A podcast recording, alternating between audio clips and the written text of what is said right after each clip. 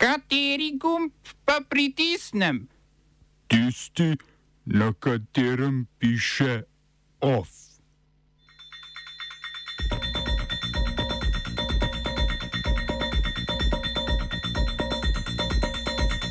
Zaslišanje pred ameriškim kongresom glede vdora v Kapitol. Turška zahteva po demilitarizaciji egejskih otokov. Sprememba nemške ustave za uvedbo 100 milijardskega sklada za vojsko. Milorad Dodik napovedal tožbo proti visokemu predstavniku mednarodne skupnosti v Bosni in Hercegovini. V kulturnih novicah koroške pošasti pridejo iz omare.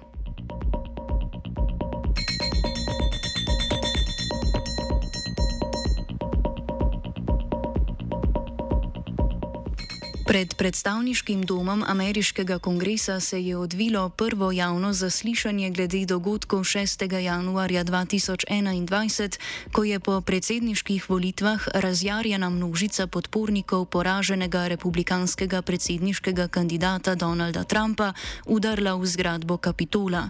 Kongreska, kongresna preiskovalna komisija, ki jo vodijo demokrati, želi s predložitvijo dokazov na videoposnetkih in z obtoževanjem Donalda Trumpa za podžiganje protestnikov ustaviti, ustvariti javno mnenje proti Trumpu, ki namerava znova kandidirati na naslednjih predsedniških volitvah.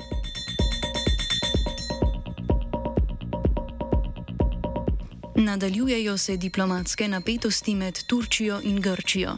Turški predsednik Recep Tayyip Erdoğan je včeraj med govorom ob spremljanju vojaške vaje v Izmirju pozval Grčijo naj demilitarizira Egejske otoke.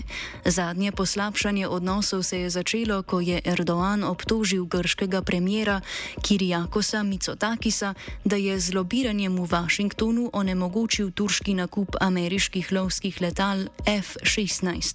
Grčija je v zadnjem letu okrepila svoje vojaške sile na otokih v bližini turške obale.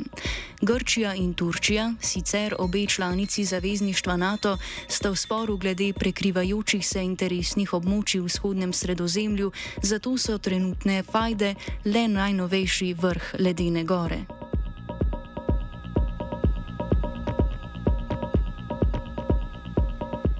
Poleg zunanje političnih sporov se Turčija spopada tudi z dobro znanim, vendar neprizanesljivim problemom lastne valute, turške lire.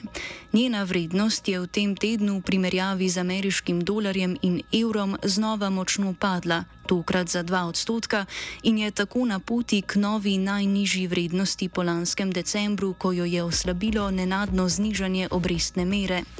Takrat je država zadržala padanje valute z garancijo državljanom, da jim bo poplačala izgubo, ki bi jo utrpeli zaradi razvrednotenja lire na svojih vrčevalnih računih.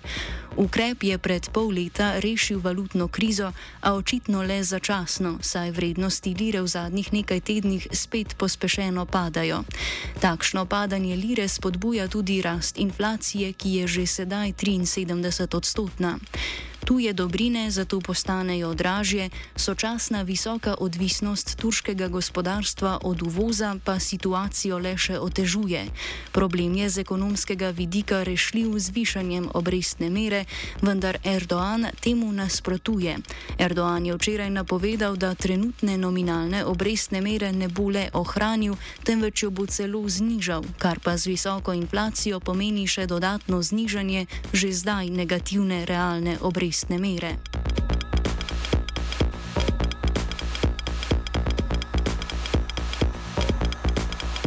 Zgornji dom nemškega parlamenta Bundesrat je uradno potrdil doseženo soglasje med levo-sredinsko koalicijo in konservativno opozicijo glede uvedbe posebnega sklada za vojsko v vrednosti 100 milijard evrov. Ker gre za spremembo nemške ustave, je bila za njo potrebna dvotretinska večina v obeh parlamentarnih domovih. Spodnji dom Bundestag je potrebno večino dosegal prejšnji teden. Sklad za vojsko je nemški nemški kancler Olaf Scholz napovedal ob začetku rusko-ukrajinske vojne in bo namenjen nabavi dodatne vojaške opreme. Novi sklad bo tudi izpolnil nemške zaveze, zahteve zvezi NATO, saj se bo v naslednjih letih povprečna nemška poraba za vojsko dvignila nad 2 odstotka BDP-ja.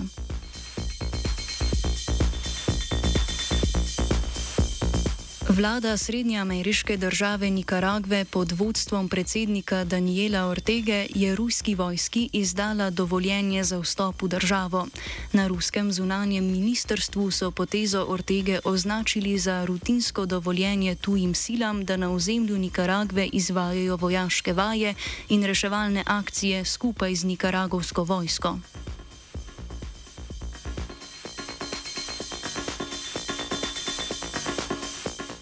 Predsednik Republike Srpske Milorad Dodik je napovedal tožbo proti visokemu predstavniku mednarodne skupnosti v Bosni in Hercegovini Kristjanu Šmitu.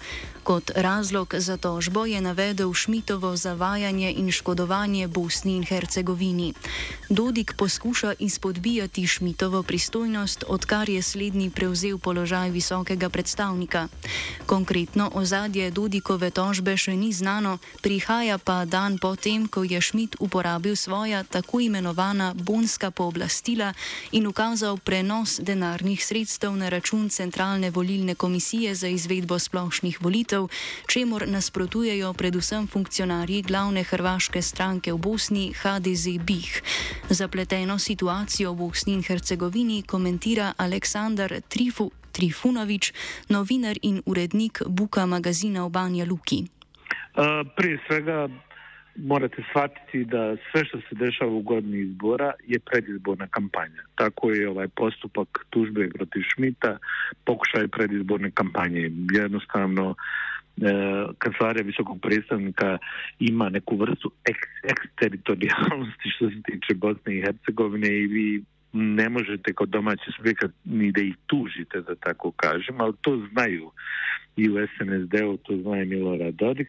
Ovo se radi čisto da se podigne sobstvena cijena kod birača da to on tuže visokog predstavnika. Ja vas posjećam da je sa prethodnim visokim predstavnikom prije nego što su ušli u konflikt, Milorad Dodik imao fantastičnu saradnju, i njega je rekao tužiti. Pa je rekao pet ješ downa, pa se to nije nikad desilo. Što želim da kažem? Da, da mi jednostavno o, e, kada, kada, kada gledamo te poteze uvijek i moramo gledati kroz prizmu onog što je konstanta, a to je permanentna politička, odnosno predizborna kampanja u Bosni i Hercegovini.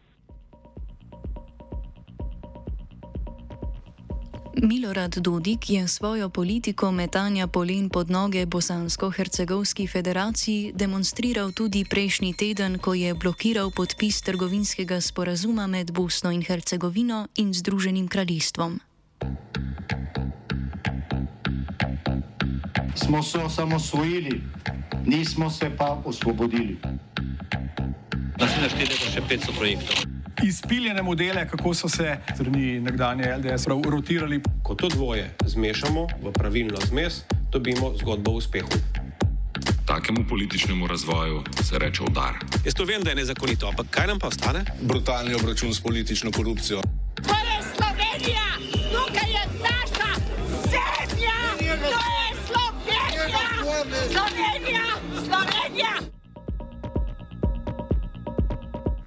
Energetika Ljubljana je potrdila, da je nacionalni preiskovalni urad opravil hišno preiskavo projekta plinsko-parne enote v osrednjem obratu termoelektrarne in toplarne Ljubljana, krajše T-TOL.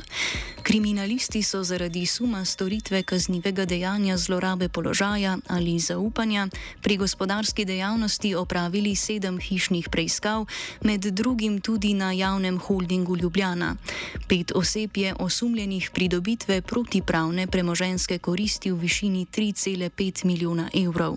Energetika Ljubljana je največje energetsko podjetje v državi, ki ni v državni lasti, saj je njegova lastnica mestna občina Ljubljana. Novi blok T-tola naj bi omogočil zaprtje dveh izmed treh obstoječih blokov, zaradi česar se bo poraba premoga, ki ga T-tol uvaža iz Indonezije, zmanjšala za več kot dve tretjini. Energetika Ljubljana se je lotila te investicije predvsem zato, da bi s prehodom z premoga na zemljski plin zmanjšala izpuste toplogrednih plinov, ki so zaradi emisijskih izpustov vse dražji. Gradnja se že končuje, novi plinski blok pa naj bi začel delovati že naslednjo kurilno sezono. Glavnino 132 milijonov težke investicije predstavlja 118 milijonov vredna pogodba z grškim podjetjem Mitilineos, ki je tudi predmet preiskave. Slovenska obveščevalno-varnostna agencija, krajše Sova, je odhajajočim vladnim funkcionarjem izdala priporočila naj ob prenehanju funkcije uničijo službene telefone in računalnike. Ta ukrep je precej bolj drastičen kot dosedanja praksa, ki je članom vlade in njihovim kabinetom nalagala zgolj obveznost predati službene komunikacijske naprave. Sova je svoje nove ukrepe branila kot izvajanje zakonsko določenih pristojnosti in kot preventivno protiobveščevalno zaščito.